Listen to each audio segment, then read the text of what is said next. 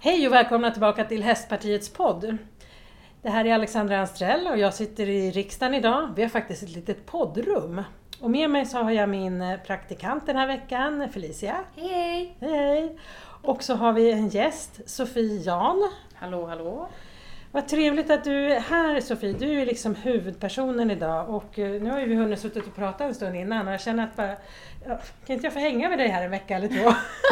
Gud, jag stannar gärna kvar. Ja, men jag tänker vi börjar berätta lite om dig. Eh, alltså, vem är du och, och det här med hästar och, och lite sånt där. Men sen har du också skrivit en bok som vi ska komma till om din uppväxt. Ja. Ja. Men vem är du? Vem jag är? Sofie heter jag och är 33 år, uppvuxen ute på Ekerö. Eh, På min tid så var det landet, jag brukade kalla det för landet. Ja. Nu har ju Ekerö blivit väldigt populärt att bo på men på min tid var det verkligen så här, bussen gick en gång i timmen och missar man den så var det kört. Ehm, ja, vad ska jag säga om mig själv? Jag idag eh, driver ett eget företag. Ehm, jag har ju då också blivit författare. Det tog ett tag för mig att ens förstå att jag faktiskt är författare. Jag har ju släppt mitt självbiografi. Så det var lite komiskt att eh, landa i just den känslan av att ha skrivit sin egen bok. Och eh, ja, utöver det så um, försöker jag ta hand väldigt mycket om mig själv. Jobba på självutveckling. Försöker få lite tid att häng- hänga i stallet ibland. Ehm, nu har jag ingen egen häst förutom en mini, mini-shettis. som Vad gör råkade följa... Ja, jag gör inte så mycket med honom. Jag brukar ibland gå ut och springa med honom. Mm. Han är ruskigt snabb. Så det är en bra eh, träningskompis. Mm. Och han står faktiskt på eh, Järfälla eh, ridskola. Mm. Så att där är han en liten maskot. Gud vad roligt. Ja, han är helt fantastisk. Han är bedårande och superliten. Och färg. Han är skäck, Ja. så han är svart och vit. ja, vad fint. Och eh, jag såg faktiskt honom eh, när jag var i England för ett x antal år sedan. Och då stod han i en liten fårhålla och så tittade han på mig och som hästtjej då smälter man ju när man Mm. får de där hästögonen. Så att jag kände bara att nej men han kan ju inte stå här. Nej. Han måste till Sverige. Ja. Så du tog hem honom från Sverige? Ja, eller eh, från Lon- England? Han åkte färja över Ja. och eh, hamnade i, i Sverige. Ja. Så nu är han svensk medborgare. Ja. Pratar förhoppningsvis svenska. Ja. Ehm, ja, nej men han är fantastisk och han lämnar inte någon oberörd. Nej, vad härligt. Ja. Men du är ju liksom uppvuxen då på en hästgård och du har tävlat i, alla möjliga saker, hoppning och galopp som du var jätterädd i och, och så vidare. Och ridit unghästar. Du är ju uppvuxen på den så kallade ökända hästgården. Ja. Varför kallas den för den ökända hästgården? ja. Ehm, den blev ju väldigt känd i och med att min pappa då ehm, dels har drivit den här gården i många, många år. Och han blev ju dömd, åkte in i fängelse och satt i fängelse i två år, lite drygt, för ja, sexuella ehm, eh, trakasserier och sexuella övergrepp på, på yngre tjejer. Ja. Så dels så blev ju det en stor eh, medial eh, anstormning kring att just han då eh, hade utsatt tjejerna för sexuella övergrepp. Och eh, just inom ridvärlden så blev det väldigt känt. Mm. Eh, så därav tror jag att liksom det började Mm. med att det blev en ökänd Mm. hästgård. Ehm, och den här hästgården ska tilläggas att den är idyllisk. Den är Mm. jättefin. När man kommer, den ligger så lantligt men det är ändå nära till stan. Ehm, och ehm, det är så här farlig röd färg, Mm. fina byggnader med vita knutar. Jättegulligt och fint och välskött. Mm. Och det drevs ju ändå verksamhet på gården. Mm. Och, eh, Din mamma hade ridskola? Precis, och det började väl egentligen med att ja, min pappa med sin exfru drev igång en verksamhet där. Och drev igång då just ridskoleverksamhet och sen så expanderade ju den här verksamheten och när han då åkte in i fängelse så tog ju min mamma över och startade ett eget bolag för att det gick ju i konkurs. Och eh, det var då det blev Skå ridcenter. Mm. Och eh, då var det dels då, eh, som var liksom själva grundkonceptet var att driva ridskoleverksamhet. Men sen blev det även försäljning. Vi köpte in väldigt mycket hästar från ja, England, Irland, Tyskland, Belgien. Eh, kom ju liksom stora lass med ponnysar. Där vi då, som vi redde in och så tävlade vi och Mm. så sålde vi dem. Och sen så hade vi liksom en uppfödningsdel och sen så hade vi även lite inackorderingar. Så det var, det, det var, det, det, den blev bara större och större och större och i slutändan tror jag att vi hade mellan så här 80 till 100 hästar i omlopp.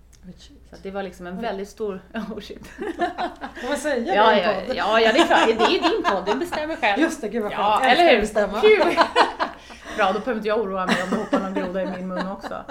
Eh, men det som också var, eh, som jag gärna delar med mig av, det är att alltså, utåt sett så såg ju det här fantastiskt ut. Mm. Men en tjej som får växa upp på en gård med så mycket fina hästar och kunder som kom och gick. Och, alltså det hände ju alltid någonting på den här gården. Jag menar utanför min husdörren så hade vi en trädgård där min shetlandsponny gick och klippte gräsmattan. Mm. Vi kallar ju henne för gräsklipparen. Mm. Och började morgonen med att ge henne en liksom, god morgon, kram och puss. Ehm, så att det fanns ju så mycket fina sidor i det här också. Mm. Ehm, men sen så var det ju bakom dessvärre den här idyllen så var det ju mycket av ett mörker som jag säger. Och det hände mycket bakom stängda dörrar. Ehm, där min pappa då indoktrinerade hårda bestraffningsmetoder både psykiskt och fysiskt. Mm. Och ehm, för att liksom cirkulera tillbaks till det ökända så kom det ut faktiskt en radiodokumentär Mm. via eh, Sveriges Radio som till och med vann årets pris för årets dokumentär som just handlar om då vad min pappa utsatte de här Mm. tjejerna för. Mm. Och ehm, det har ju bara spint vidare och nu väljer jag då som dotter och barn till den här mannen att berätta om hur det var som barn att växa upp under de här förhållandena. För det är en grej att de övergrepp han utsatte tjejerna för och det är ju en jättestor del. Men jag vill, också prata om hur det är att vara liksom bakom de här dörrarna och vad Mm. som hände med en pappa som betedde sig på det här sättet. Så därav min bok. För du fick höra egentligen att det där var osant och det där aldrig hade hänt, visst var det så? Ja, Ja. Precis så. Jag levde ju liksom lite i en skyddad värld just från det sexuella. Mm. Vilket jag också, om jag ska vara ärlig, är väldigt tacksam över. Och det har jag faktiskt tackat min mamma för, att hon har varit så otroligt duktig på att ja, skona oss från den delen. Mm. Ehm, jag menar, jag hade ju fullt upp med att överleva min vardag ändå. Mm. Mm. Ehm, För det var väldigt, som du sa, tuffa bestraffningar. Du berättar i din bok om någon gång när här ni fick, eh, när ni blöta ner er i bubbelpoolen och sen står ute i minusgrader mm. tills ni liksom inte knappt kunde tänka längre. Vad hade, ni, alltså, vad hade du gjort då? Ja, alltså. Jag, jag, min pappa, jag skulle vilja säga att han hade ju ett väldigt liksom, militäriskt tillvägagångssätt. Mm. Han har en ganska liksom, förlegad syn på hur man ska fostra någon. Mm. Och det har jag också förstått ju äldre jag blivit att han ansåg ju liksom att den här gården, hans kejsardöme, det som jag kallar mitt fängelse, det var liksom min trygghet. Mm. Och utanför där, utanför liksom den gården, där är världen farlig. Där är Mm. ett krig. Så jag måste rusta er för ett krig. Så att jag tror att hans liksom metod, jag tror att han gjorde det för att han trodde att det var rätt. Att Mm. bryta ner eh, för att liksom bygga upp oss Ja. som starka soldater. Okej. Och ehm, till exempel då den här bubbelpoolshistorien som jag då också nämner i boken. ehm, den handlar ju om att vi hade varit på Täby galopp och eh, haft eh, då ehm, två hästar som gick ett löp där. Och det hade inte gått så bra för de hästarna. Och eh, då hade min pappa tappat ansiktet och eh, kände ju att liksom det var min, mig och min systers fel. Och han var extremt arg. Mm. Och eh, jag tror bara att bägaren rann över så att han blev väldigt, väldigt aggressiv. Så att när vi kom in på småtimmarna, när, eller på kvällskvisten snarare sagt, när det blev kväll, då hade han druckit lite mer. Och eh, när han drack, kombinerat med att han var så pass aggressiv, alltså då blev han en väldigt farlig person. Mm. Och eh, då var det verkligen bara att lyda minsta lilla vink. Mm. Och i det här fallet så ehm, kastade han då ner oss i bubbelpoolen med ridkläderna på. Och sen så låste han ut oss på balkongen och det var ju minusgrader ute och jättekallt. Och där skulle jag och min syster sitta då och bestraffas och tänka igenom dagen och varför hästarna inte hade presterat och varför vi då hade inte sett till att de hade fått rätt förutsättningar för det. Um, och eh, sen så tog han in oss och så kastade han oss i bubbelpoolen en gång till. Och sen skulle vi ut på balkongen. Och jag minns också så tydligt, för jag kommer ihåg att vi satt på balkongen och såg ut mot stallet. Och det var precis då på kvällen när sista ridlektionen hade varit och sista eleven släcker liksom belysningen och går till bilen. Och det känns så himla... Den känslan av att vara så nära att bara be om hjälp Mm. någonstans när man ser henne gå mot bilen och samtidigt så sitter vi där och skakar. Du vet, och knappt känsel i fingrarna. Alltså, det, det är så oerhört kallt och så är man så ledsen och så rädd. Men rädslan för vad han skulle göra är så mycket större så att vi sitter där knappt tysta. Och någonstans vill man ju typ att den här kvinnan skulle se oss. Mm. Sen i alla fall så då hoppar hon in i bilen och så ser man liksom hur bilen försvinner och där sitter vi kvar där ute i ensamhet och helt maktlösa. Mm. Sen tar han då in oss igen och den här gången ska vi ställa oss då i vakt framför honom. Och då ska vi liksom stå stilla. Vi ska då ta upp handen mot pannan. Det- jag glömmer alltid bort vad det här kallas för att man ska stå i ehm, I vakt. Ge vakt, tack. Mm. Gud, nu tappade jag ordet. Ehm, och vi får inte gråta. Vi får inte visa känslor. Vi får absolut inte skaka. För det är bara svaga människor som fryser. Och för varje gång vi gör det, ehm, skakar eller gråter eller visar en känsla så smäller han till oss på kinden.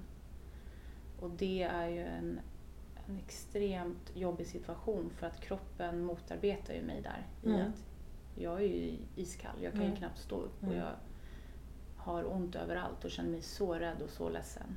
Men ändå liksom min vilja av att bara så här, jag får inte skaka, jag får inte skaka. ehm, den tar nästan över så att, för att det är så stark överlevnadsinstinkt.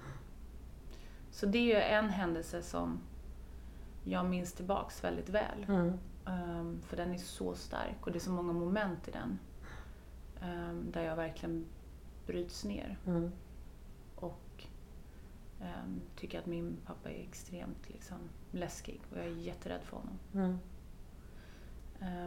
Ett annat tillfälle som du Ja. berättar om i boken är ju Jag kommer inte ihåg varför det ledde fram till det men eh, jag kommer ihåg att du, både du och din eh, syster blev slagna väldigt hårt i ansiktet, i magen och, och det slutar med att din syster ändå ringer polisen och får tag i en bärbar telefon och, och springer iväg och ringer. Eh, och ni uppmanas ändå att tvätta av er och lägga er i sängen och, och låtsas som att ingenting har hänt. Och sen kommer polisen och ni får träffa polisen i enrum. mm. Men eh, då har din pappa viskat något till dig. Ja, Um, det är en händelse som hade börjat faktiskt med, jag kallar det för nattridningar. För vi skulle ju rida oftast väldigt sent på kvällar och nätter. För då hade ju han dels druckit och sen kunde han ju komma in då och väcka en och få för sig att nu ska liksom tjejerna, nu ska de ut och rida och nu ska någon häst ridas in eller ridas till eller hanteras. Eh, han fick liksom sådana här fixidéer. Och det var en sån kväll som det hände väldigt mycket i det där ridhuset. Och jag har ju så många minnen i det där ridhuset, i varje hörn, vid varje bokstav. Eh, I princip vid varje liksom, eh, spå. Ja, varje planka. Ja, ja men alltså det, det är så otroligt mycket som har hänt där. Bakom stängda dörrar och på de här tiderna där det har varit väldigt sent. Ehm, men den kvällen var det i alla fall så att han hade verkligen gått alldeles för långt. Mm.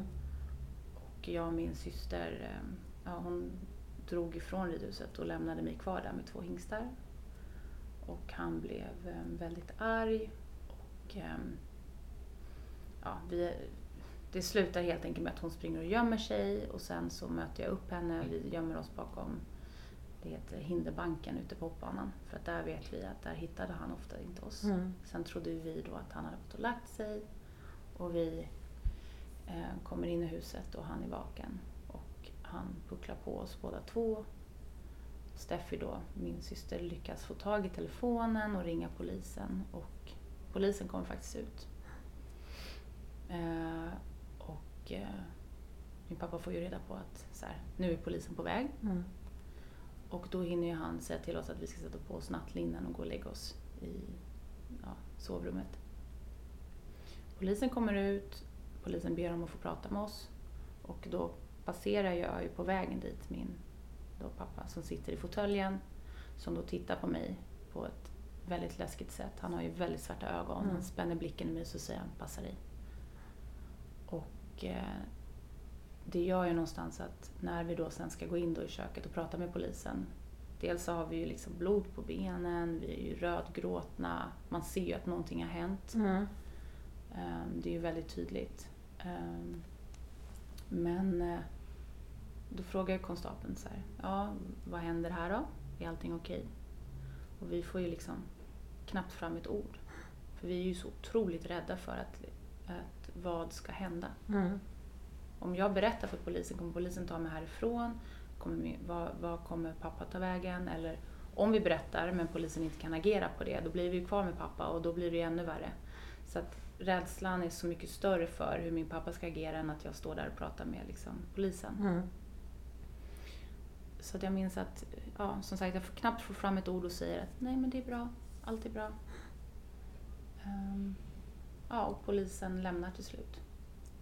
Och sen så... Detta trots att de ser att ni är påverkade, alltså ledsna, Ja, ni har blod på benen. Jag har för mig att det var någon av er som förklarade det som att det var myggbett. ja precis. Eh, Vi fick ju... Och då hade Göra han redan övning. suttit i fängelse för sexuella övergrepp. Ja, Ja, så han hade eh, liksom ett straffrecord. ja, Ja. och det är också det som så här... Vi pratade lite om det innan, Mm. att eh, just eh, känslan kring att inte ens kunna... Alltså jag känner mig väldigt sviken av väldigt många människor. Mm. För att jag menar i det där fallet så kanske man hade kunnat agera annorlunda. Ehm, polisen kanske skulle ha kommit tillbaks och cirkulerat lite och haft koll Mm. på så här, ja men det är ju något som inte står rätt till. Mm. Klockan är mitt i natten och de här tjejerna är liksom fortfarande vakna. Mm. Ehm, jag menar, och Jerry då, som jag kallar honom, jag kallar honom ju inte pappa. Nej, jag förstår Eh, det. han, eh, jag menar han var ju full. Alltså Mm. det är ju någonting som man kanske borde också ha märkt av. Mm. Mm. Vi kanske borde liksom se till att han nyktrar till innan vi lämnar. Alltså, det finns ju Mm. jättemycket olika sätt man kanske hade kunnat Det blev hantera. inget besök av socialtjänsten efter det här hos polis? Nej. Så det var aldrig någon, någon uppföljning överhuvudtaget? Nej, det har ju aldrig varit någon där ute och tittat till oss. Mer än att vi har haft vissa stalltjejer eller någon förälder någon gång ibland som har räckt ut en hand och visat liksom en ja, sympati kring att Mm. så här, jag ser dig, jag hör dig. Mm. Men eh, jag har aldrig känt att socialen eller polisen eller någon har funnits där och eller för det skolan Nej. har funnits där och agerat. Och det är ju någonting som har Anledningen till att jag också skriver boken för att jag tycker att det här är väldigt viktiga frågor. Hur Mm. vi ska bemöta Mm. våld i hem och hur vi ska läsa av signaler. För att jag menar, alltså det är ju bara att titta på hur mycket tid jag spenderar i skolan. Alltså jag kunde vara borta i veckor, Mm. sen var jag där i några dagar, sen var jag borta igen. Mm. Eh, liksom de typer av mönster kring att jag inte hade en... en liksom, Var det ingen uppföljning på det på din eh, så kallade olovliga frånvaro eller stora frånvaro? fick aldrig, jag fick höra någon gång ibland, ja du är ju väldigt mycket sjuk. Mm. Vad ska jag svara på det? Mm. Det, det var ju aldrig liksom... Jag menar jag satt ofta längst bak i klassrummet och sov. Jag var ju Mm. alltid jättetrött. Mm. Eh, Jag kunde komma in i trasiga kläder och jag gick ju också även i en, en, liksom en lite finare skola. Mm. Där då man skulle ha fina kläder på sig. Och, Ja, du gick på Carlssons eller vad? Ja. och jag trivdes ju också väldigt bra i Karlsson för där, skolan blev ju min liksom, trygga zon. Mm. Där jag kunde slappna av och inte behöva känna att jag måste prestera och Mm. leverera. Mm. Ehm, Men där kände jag ju någonstans att man kanske hade behövt liksom plocka upp mig. Och det är ju inte bara Karlssons skola, jag gick ju i en skola ute i, på Ekerö också. Ja. Ehm, och även när jag började gymnasiet och jag inte fick vara kvar i gymnasiet. Just för att min, och det skriver jag också om i boken, men min pappa tyckte ju inte att jag var mogen och tillräckligt intelligent för att Nej. gå i skolan. Så att jag skulle inte få gå i skolan. Eh, Din mamma, eh, visste hon om de här bestraffningarna, nattrivningarna och den här skolsituationen? Ja, Så, hon var ju med i allting. Hon var ju en del av familjen. Hon var ju var hon rädd för att kontakta polisen och socialen och så också? Ja, Det skulle jag nog säga. Dels så var ju min mamma 14 år när hon träffade min pappa. Så hon drogs ju väldigt snabbt in i, i liksom hans värld och blev Hans väldigt... Psykopatvärld får man Ja. väl ändå kalla det. Verkligen. Och då var ju han fortfarande gift. Mm. Ehm, och det ska ju tilläggas, min mamma har ju skrivit en bok Mm. och då berättar hon ju om... Vad heter den? Eh, nu ska vi... Eh, Hästgården. Hästgården? Händelserna på Hästgården. Händelserna på Hästgården. Jag höll på att blanda ihop med min egen eh, bok här. Ehm, och eh, hon berättar ju mycket om en tid innan jag föddes. Mm. Som jag, genom att jag faktiskt har läst hennes bok, eh, fick en, liksom en helt annan syn på hur hon drogs in i den här världen. Mm. Men det som då psykopater är väldigt bra på, det är ju dels att skanna av en person, hitta liksom vilka triggerpunkter som man kan trycka på. Mm. För att det slutar ju med att min mamma flyttar ut dit och säger i princip upp kon- kontakten med sin egen familj. Mm. Mm. Och jag menar hennes mamma och pappa försöker ju så många gånger få, få henne därifrån. De ser ju att det här är inte bra, det här är inte Mm. hälsosamt. Men hon blir liksom en trotsig tonåring och hon blir liksom kär i min pappa. Och flyttar ju in då i grannhuset medan han fortfarande är gift då, ja, Mm. med sin tidigare fru. Så att hon dras ju väldigt snabbt in i den här världen också. Och sen då, när jag är barn och jag ser min mamma då som är också i den här liksom, situationen. Alltså hon är ju, om inte mer rädd Mm. än vad jag är. Dels så har hon ju ansvar, hon har fyra barn. Dels så har hon en hel hästverksamhet med ja, ett x antal hästar. Hon har elever och sen ska hon någonstans här försöka navigera kring liksom den här mannen. Så ehm, det var ju väldigt tufft för henne att ens veta hur hon skulle hantera det här. Mm. Mm. Men jag vill minnas i boken att du ändå beskriver din mamma som eh, någon form av krockkudde. Att hon var ett filter mellan eh, er och Jerry. Ja, det, alltså hon hade ju sitt sätt att försöka navigera kring honom. Mm. Hon lärde sig ju, jag brukar säga att vi fick gå på äggskal, så man Mm. fick ju lära sig läsa av honom. Man Mm. hörde ju nästan på första andetaget på morgonen, okej det här kommer bli en sån dag. Mm. Och någonstans där så lärde ju hon ju sig att liksom hur hon kunde hantera honom i olika situationer för att han skulle bli mildare mot oss. Mm. Och ehm, även om jag kanske inte alltid har tyckt att hon har gjort allting rätt Nej. så har jag ju landat i liksom att hon gjorde ju det bästa ut efter vad hon hade förmågan och kunde där och då. Mm. Mm. Och ehm, det är ju alltså saker han har utsatt mamma för som jag både sett och fått läst mig till. Jag är ju liksom helt imponerad av att den kvinnan ens idag liksom lever och står på, Mm. står på fötter. Hon, det är så många delar i hennes liv som han har utsatt henne för. Mm. Jag blev i alla fall skyddad från det sexuella. Mm. Jag slapp den delen. Och jag menar som 14-åring ung dras in i den delen också. Mm. Och tro att man är älskad av den här Ja. mannen som är liksom 15 år äldre. Alltså Mm. det, ja, förlora kontakten med sin familj, sina vänner och bara bli helt fast. Alltså hon har ju ingenting att jämföra med. Så um, Jag tänker utåt sett så verkade du ju ändå som du sa idylliskt, såg bra ut och din mamma var där och bedrev hästverksamheten och, och, och så var ni där, fixade och vixade med hästarna. Eh, Men det finns ju ändå så väldigt många personer, du säger att du är besviken på väldigt många personer. Du Mm. förstår ju att det är så många människor runt omkring. Jag tänker just skolan, eh, polisen. Varför var det ingen som larmade socialtjänsten? Eller var det någon som gjorde det men det inte gick vidare till utredning? Jag tänker det finns så mycket som man verkligen eh, måste bli bättre på att läsa av. Alltså hur ska man kunna se att någon är utsatt för våld i nära relation? mm, och, och när man är utsatt, vart vänder man sig? Du berättade ju här innan att det enda du kände var att man kunde ringa BRIS men du vågade inte för tänk om din pappa kunde se att du hade ringt BRIS. precis. Och jag menar det är klart att det har utvecklats idag från det att när jag var barn. Men då var det verkligen, alltså den enda organisationen jag kände till det var ju BRIS. Ja. Eh, och det, som sagt, jag var ju alldeles för rädd för det för jag tänkte att tänk om de inte svarar och ringer upp på hemtelefonen och så Mm. är det min pappa som svarar eller som du säger, han ser, oj här har de ringt BRIS. Mm. Alltså jag menar då hade ju jag ju levt liksom i ännu mer oro och rädsla kring att så här, nu kommer han bli galen. Mm. Mm. Ehm, men det som jag hade önskat och det jag liksom har tänkt mycket kring det är ju hur man fångar upp barn och hur man läser av. Hur man som vuxen har ett socialt ansvar. För vi har ju ett socialt Mm, ansvar. mm. Inte bara lärare utan alla vuxna har ju ett ansvar att se över situationerna. Och jag menar det var ju så mycket tecken på att jag inte levde, kom från en liksom fullt funktionell familj. Mm. Det, det var ju bara som sagt att läsa av att jag var borta från skolan under längre tider. Eller när vi var på hästtävlingar, han stod och skrek på oss framför människor.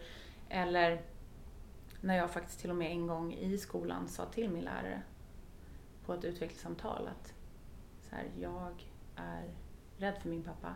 Jag får inte gå i skolan för honom. Jag menar, jag bröt ju ihop och grät. Mm. Och den här kvinnan i skolan, det slutade med att hon ignorerade mig tills jag slutade. Och, Är det sant? ja, Vad hemskt. Ja, det är fruktansvärt. Och, och någonstans i det här så här, jag lägger ingen skuld på henne. För att jag förstår också att, att utmaningarna i hur man bemöter ett barn som säger en sån sak. Jag, jag tror att hon, hon blev så oerhört chockad. Hon var nyexaminerad och hade liksom precis kommit ut i arbetslivet och blivit lärare. Och sen så sitter jag där och berättar så tunga saker. Alltså jag minns bara att hennes blick var liksom, hon blev typ vit i ansiktet. Mm. Hon visste ju inte vad, hur, vad gör man, hur agerar jag på det här? Och eh, det är ju väldigt lätt för mig att sitta, du ska, borde prata med rektorn, du borde ha ringt socialen och så vidare. Du borde Mm. kanske ha mött mig. Men jag tror att där, där och då så tror jag att det blev så mycket för henne att ta in. Och det är därför jag tror någonstans att de här frågorna, vi behöver prata mycket mer kring huret. Hur man bemöter barn i sådana här situationer. Mm. Hur kan vi eh, hjälpas åt? Um, någonting vi också pratade lite tidigare om är så här att hade min lärare ringt direkt hem till min pappa och sagt så här, du Sofia har brutit ihop här på utvecklingssamtalet, hon säger att du gör dittan och dattan. Alltså det hade jag ju fått äta upp hemma. Mm. Så det hade ju inte hjälpt. Men däremot kanske att möta mig så här. Du Sofie, berätta, jag har ju märkt att du har varit borta ganska mycket från skolan. Hur, eh, hur ser din, dag- dina dagar ut? Vad gör du om dagarna hemma? Du rider, berätta lite om dina hästar. Vilken är din favorithäst? Alltså börja någonstans mötas i en dialog, ett samtal där jag För att någonstans få en relation. Precis, jag känner mig sedd. För jag känner mig allt annat än sedd. Mm. Och kanske någonstans i det kunnat liksom då leda in på ett samtal kring att så här, jag är rädd, jag känner så här. Då kanske någonstans jag också hade liksom vågat berätta mer. Mm. Och då kanske man också hade kunnat höra av sig till socialen. Vi kanske behöver ha lite koll på den där familjen. Mm. Polisen kanske behöver göra ett, ett besök. Vi kanske behöver göra stickprover. Mm. Ehm, jag tänker att liksom samtalet ändå kan leda in till någonting mycket mer. Ehm, men jag tror att generellt sett så tror jag att människor kanske vill hjälpa till men man vet inte. Och man är rädd för vad ska det leda till. Mm. Mm. Så det är ju viktiga frågor. Kanske utbilda lärare i att läsa av mer Mm. kring mönster. Hur bemöter du den här Sofie som sitter längst bak i klassrummet? Hur pratar du med henne? Hur får du henne att öppna upp? Jag menar, jag hade ju aldrig gått direkt till kuratorn. Det hade, framförallt hade mina klasskompisar kanske sett det. Då hade de trott att det var något fel på mig. Och det hade också kunnat leda till att min pappa fick reda på det. Så att vi behöver bara hitta andra liksom, ingångar. Man utvecklas ju även i skolan. Jag gjorde skolbesök i onsdags i, på Söderbymalmsskolan i Haninge. Ja. Och då pratade vi just om sådana här saker, att de har en metod, jag tror den heter CPS. Mm. Eh, och eh, man just försöker skapa de här relationerna men också prata med eleverna på ett annorlunda sätt. För att vi är ju ganska vana med att eh, snabbt göra antaganden. Mm. Var- De berättade just om en elev som alltid kom för sent och då är det lätt att göra antaganden att "Åh, du är så himla lat och alltid kommer sent, du sover säkert länge på morgonen och så vidare. Mm. Eh, men så började den här läraren, eh, som de berättade för mig, att eh, säga jag har märkt att du eh, kommer så sent på mina lektioner och är det någonting som jag gör fel och varför är det så här? Och, och i ett samtal där så eh, kom det fram att eh, hon hade gjort slut med sin kille för att han inte var snäll och de åkte i samma buss till skolan så då tog hon nästa buss. Och i samtalet där så frågade läraren, jaha men finns det något annorlunda sätt? Ja, nej, hon kom inte på något. Tror du att du möjligen skulle kunna ta en tidigare buss? Ja, Mm. vilken bra idé! Mm. Ja men precis. Eh, och så började hon ta en tidigare buss och, och problemet var, var löst. Löst. Eh, istället för att bara göra ett antagande om att den där personen är, är sen för att den eh, ligger hemma och sover. Precis. Ja. Så jag tror just det här relationsskapande men också ställa med kanske öppna frågor, får se vad som faktiskt kommer fram. Verkligen, och jag, jag vill tillägga det att, att skolan är ju en frizon för många. Mm. Det var ju min frizon. Mm. Och det är ju därför som jag tror också att det är väldigt viktigt att man just i den frizonen möter då barnen Mm. och ställer frågor och finns där. Mm. Mer än att bara vara en lärare som ska lära ut Mm. liksom, vissa ämnen. Mm. Nu säger inte jag att alla lärare är så här, men det är Nej. i alla fall min upplevelse. Ja, Och eh, jag vet ju bara nu när det är jullov till exempel. För mig, den ångesten kring att veta att nu är det julavslutningen, nu ska jag lämna aulan. Alla mina kompisar pratar om vad de ska göra under jullovet och jag vet bara att det här är elände. Det kommer att vara alkohol, det kommer vara nattridningar, det kommer vara julgran som kastas ut genom fönstret, vi kommer inte få äta den maten vi vill äta. Eh, det kommer bli väldigt få sömntimmar, oro för min mamma, oro för djuren. Alltså, just de här skolloven är ju för många barn inte alls någonting positivt. Nej, gud, jag får rysningar här på kroppen. Ja, Oh, hon vill liksom bara man, krama om dig och stoppa dig Ja. i fickan. jag, vet inte om jag får plats i fickan. Ja, du är i Ja.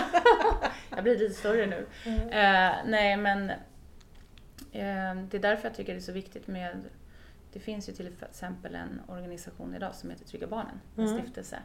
Som jag nämner faktiskt i min bok just för att det jag tycker de gör så bra det är att de pratar kring de här frågorna. Och de öppnar upp sina lokaler för barn Mm. att komma dit och få leka och eh, under lovet då få komma ifrån Mm. hemmet. Mm. För det är ju ofta bakom stängda dörrar mycket händer. Mm. Mm. Och många är väldigt duktiga på att dricka alkohol under jul Mm. och nyår. Då är det liksom fest. Mm. Istället för att tänka så här, men varför samlas vi under jul? Det är ju familj. Ehm, så ehm, ja, man får inte glömma de, de eh, delarna. Delarna är för lovet. Mm. Nej. Det är otroligt viktigt med lovaktiviteter Ja. som sagt. Och då tänker jag att då behöver ju också idrotts-Sverige bli bättre på att fånga upp sådana här saker där barn far illa av olika saker. Man blir slagen eller utsatta för trakasserier eller övergrepp. Eh, hedersrelaterat våld och förtryck Mm. och hela den biten. Jag tänker alla idrottsledare, fritidsledare, det är så många som behöver mer kunskaper om hur man ser. Ja. Men framförallt också kanske ha en organisation där man känner sig trygg i att kunna agera. Mm. Att vi är här för barnens skull. Mm. Eh, Då behöver vi gemensamt agera. Eh, Ja, jag tror att vi behöver bli lite bättre på det. Ge- Generellt i alla, de flesta verksamheter. ja, och prata kring liksom, återigen, jag går alltid tillbaka till huret. Hur kan Mm. vi agera? Vad kan vi erbjuda? Mm.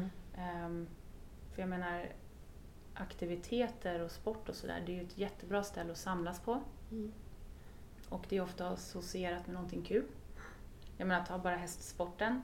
Jag menar, det finns ju inget bättre än att vara i stallet och Mm. spendera tid med det här fantastiska djuret. Och det är ju det också som gör att vi är villiga att liksom gå så pass långt inom att jobba hårt i stallet och dedikera så mycket tid för Mm. att man har sån otroligt stark och stor kärlek för det Mm. här djuret. Mm. Så det går ju att skapa mycket kring liksom, sporten i sig. Ja. Men engagemang. vad hände där egentligen? Du ville ju bli som Malin Baryard. Ja, det blev jag inte. Så besviken. inte Jag kämpade, ja, eller hur? Ja, man kan ju börja på äldre dagar, tänkte jag. Så gammal är jag inte, men eh, det var ju... ehm, Du flyttade hemifrån. ja, och det var jättetufft att fatta det beslutet att nu lägger jag ner hästeriet. Eh, för mig blev ju hästarna en bestraffning. Det var ju inte längre kul. Mm. Det var inte längre... ursäkta. Pratat för mycket. Ehm, det var liksom inte längre kul att sitta och rida Nej. och trimma i ridhuset. Jag som älskade att gå ner och sätta mig med min ponny och Mm. bara träna på liksom detaljer, få den att stå exakt rätt med benen i halt. Till att eh, få den att gå i exakt rätt form, till att liksom lyda minsta lilla Mm. vink. Och det var ju en av mina styrkor, att jag var så otroligt duktig på att Mm. liksom sitta och trimma fram och, och ha tålamod och gå in i den världen och bara Mm. hamna i liksom en symbios med hästen. Eh, och jag la upp väldigt höga liksom, mål, jag ska bli... Och det var ju faktiskt min pappa också som uppmuntrade, du ska bli elitryttare. Och, Mm.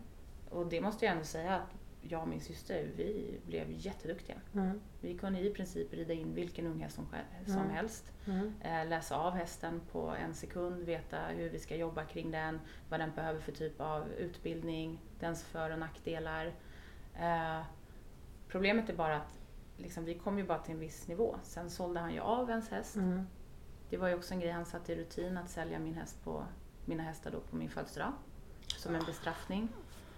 Och det skedde ju ganska många år i rad. Mm. Så att jag såg aldrig fram emot min födelsedag. Nej. Så dels där du vet när man sätter upp mål, nu ska jag nå den här klassen, Mm. jag ska komma lite längre. Då försvann min ponny. Mm. Och då blir det nästa, då fick man börja om från början. Så att vi, liksom, jag tog mig aldrig liksom längre, Mm. även om jag satt hemma och hoppade höga hinder och eh, tränade liksom dressyr på en högre nivå och Mm. verkligen blev duktig.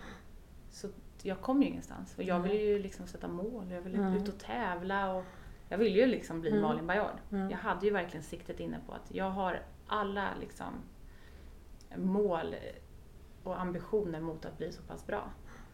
Och framförallt, alltså jag la ju timmar i det där huset. Men sen som sagt så fyllde jag 18 och då bestämde jag mig för att nu är jag fri. Jag måste ta mig härifrån för att jag klarar inte mer. Jag måste se över mig själv, ehm, ta hand om mig själv och skapa mig en egen identitet. Gå ifrån att vara Jerrys till Sofie till att bli Sofies Sofie. Så där någonstans så började min resa, Mm. hitta mig själv. Och som vi alla vet, det är ju inte så billigt att ha häst. Nej. Och det tar mycket tid. Det tar alltid längre tid också än vad man har räknat med. Jag ska bara ut och rida, sen Mm. sex timmar senare kommer man hem. ja just det, det var ju bara två timmar jag skulle vara här idag. Ehm, vilket också är skärmen med att vara i stallet tycker jag. Men eh, det helt enkelt fick prioriteras bort och det var, en jätte, det var verkligen att stänga en dörr och faktiskt lägga ner en dröm som jag eh, verkligen hade ja, stora, höga förhoppningar kring. Mm. Eh, ja, så jag blev inte Malin Baryard men Nej. jag eh, älskar ju fortfarande sporten och Mm. Florerar Men du överlevde en sån här hemsk barndom som man bara ryser och nästan gråter när man läser din bok. Mm. Eh, Det är väl någonting så fantastiskt gjort. Mm. Så att det ska du ju ha guldmedalj för. Tack. Jag kan få stå på OS där och ta Ja, du får, stå, Nej, du får vara där och, dela lite med Malin och Ja, eller hur, grabbarna. precis. Jag gjorde det också. Eh, nej men tack att du säger det. Och jag är så tacksam och glad över vem jag är idag Mm. och vad jag har tagit mig någonstans. Och liksom mitt fokus kring att försöka ta de goda stunderna. Mm. Det är så lätt att liksom gå ner i det negativa kaninhålet liksom och Mm. tänka kring allt dåligt. Men för mig har det blivit mer så här att det här lärde jag mig av min pappa. Det här var hans goda sidor. Det här har jag tagit med mig, jag har formats till den jag är idag. Jag sitter här idag i en, i en intervju och pratar om frågor som jag brinner för. Eh, jag har en oerhörd liksom, driv i mig. Mm. En motor som bara tuggar på, som aldrig tar slut. Vilket gör att jag har fått uppleva så otroligt spännande möten, samtal, människor. Eh, varit i diverse olika rum. Eh, och det är ju en drivkraft som jag har fått med mig någonstans ifrån. Mm. Så det är liksom mitt fokus. Mm. Mm. Men där tänker jag, det måste ju vara ändå hästlivet som har format dig till att vara den drivande personen. Vi pratade här tidigare om slit och släp i stallet. Mm. Man måste gå upp. Nu har ju du fått gå upp mitt i nätterna och rida. Det hör ju inte till vanligheterna. Mm. Men om man ser det vanliga slitet och släpet i stallet så är det ju eh, ett ganska tungt arbete. Ja, verkligen. Det, ehm, ja, som du nämner, vi pratade ju lite om det innan och du hade en kompis som Mm. gick upp tidigt på morgnarna och rider eh, och spenderar mycket tid i stallet. Det är ju en speciell sport. Det är en speciell bransch. Och det finns ju, har ju sina för och nackdelar eh, såklart. För att man kanske, många åsidosätter nog sitt eget mående Mm. och lyssnar kanske inte så mycket på sin kropp. Utan fokuset kring hästen är så mycket större Mm. än fokuset på sig själv. Eh, Så att man åsidosätter ju sitt eget Mm. för att den här Mm. hästen ska ha frukost för en själv. Den ska gå ut i hagen för en själv. Den ska rastas och så vidare. Så Mm. någonstans där så glömmer man ju bort bara, men just det, jag. Jag kanske också behöver äta och gå på toaletten och sova. Eh, Men det gör ju också att man eh, kavlar upp armarna. Det är inte så mycket som är jobbigt i livet. Nej. Vi blir, det vet ju du, vi- många eh, hästtjejer blir ju ledare i Mm. arbetslivet. Mm. Ehm, vi känner ansvar, tar för oss, um, orädda. Mm. Och jag menar, vi har ju att göra med ett djur som väger ett halvt ton, Mm. om inte mer. Så att vi måste bli tuffa. Mm. Vi måste ha den liksom, mindsetet kring att ingenting är liksom jobbigt Mm. eller för stort eller vad det nu ska vara. Så det har ju format mig mer än liksom en sån här riktig Ja, go. det är härligt att Attityd. höra. Mm. Mm. Ja. Och så guldmedaljen på det. Ja, precis. Din bok då som heter Pappas flicka på hästgården. Ja, Jag fick ju den i present. ja, För att jag fyller ju år på lördag. ja precis. Ja, och jag Ja. blev så här när du berättar om din födelsedag och att du han alltid sålde hästarna som du älskade på din födelsedag. Hur firar du födelsedag idag? Ja, jag har ju ingen häst som jag säljer i alla fall. Nej. Och min lilla shetlandsponny då, eller minihäst, Mm. Pebby, han ska aldrig säljas. Nej. Det har jag och mamma lovat varandra. Ja.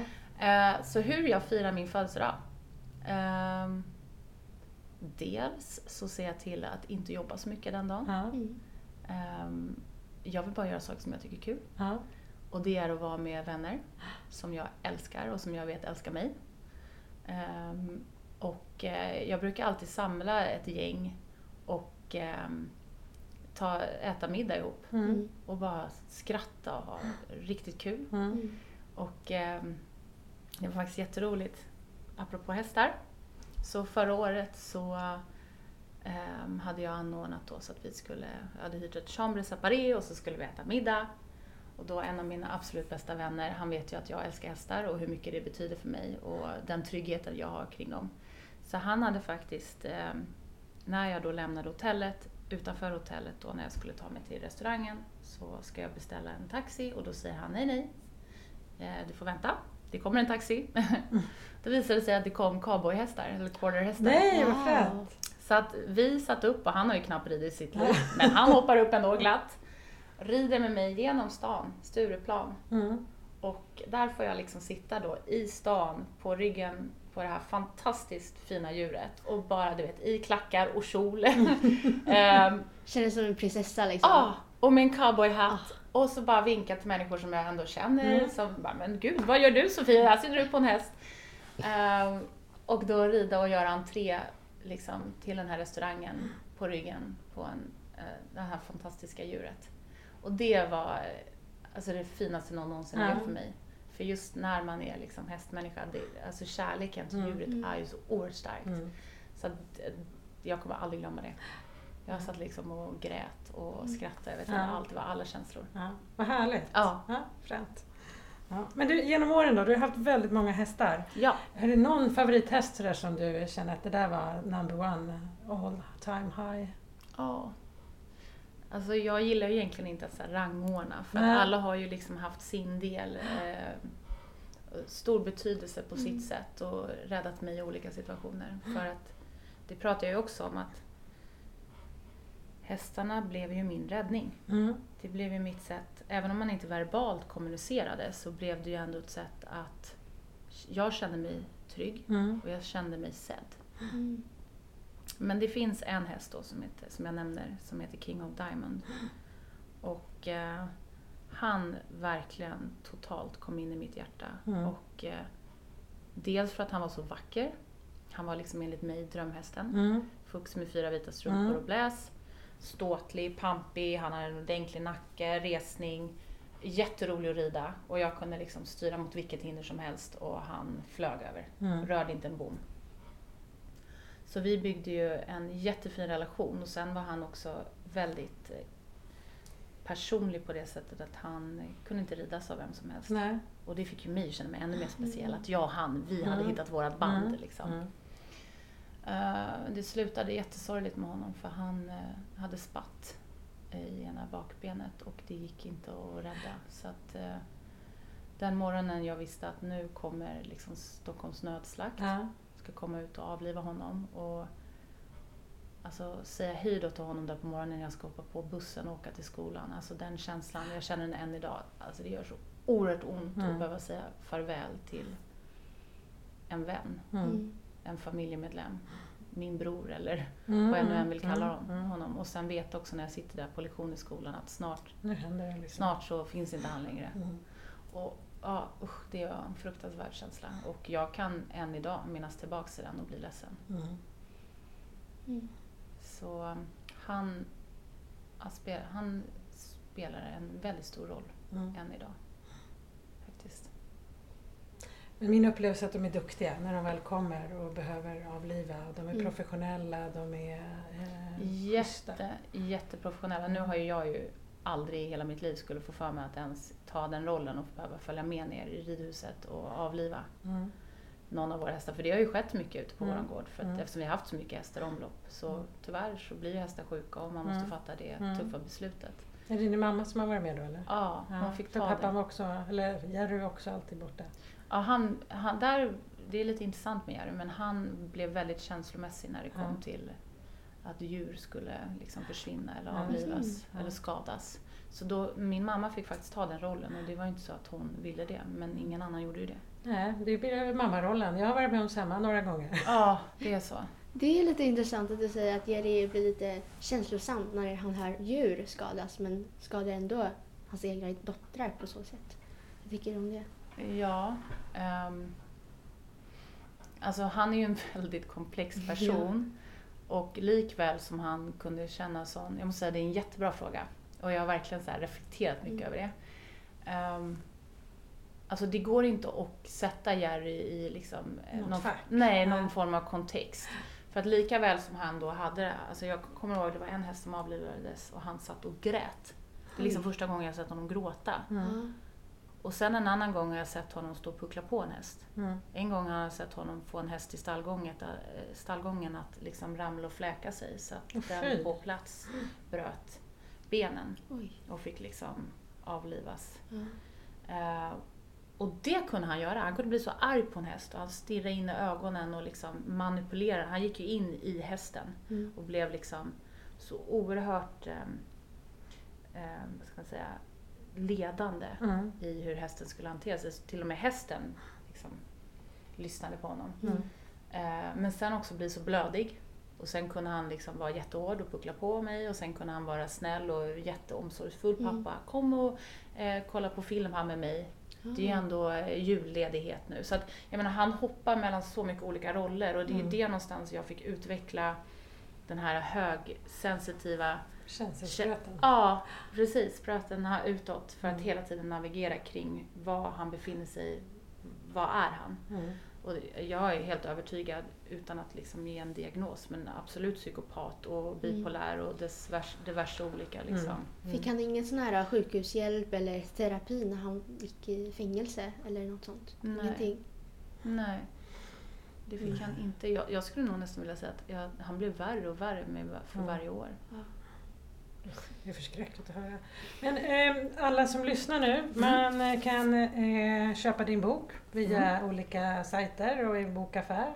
Man kan också lyssna på Storytel. Ja. Det är du själv som läser. Ja. Ja. Eh, så att det, det tycker jag verkligen, de som inte ska eh, vara i stallet hela eh, julen, eller då kan man ju lyssna på boken. Ja, det, men annars så kan man skaffa Precis. sig den här boken och eh, läsa under jullovet. Jag tror det är bra. Jag tror att, det, som vi var inne på, att alla behöver ta sitt sociala ansvar och Mm. där behöver vi bli bättre.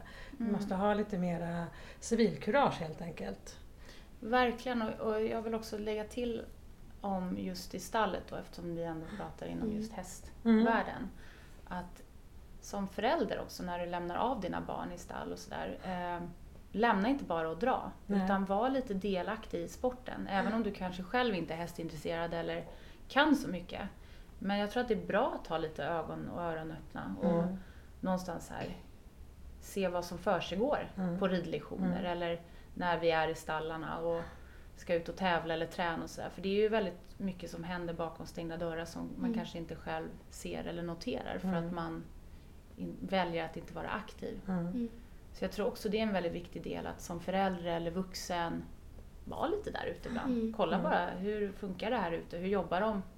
Oj, nu har min do- dotter varit i stallet i liksom 14 timmar.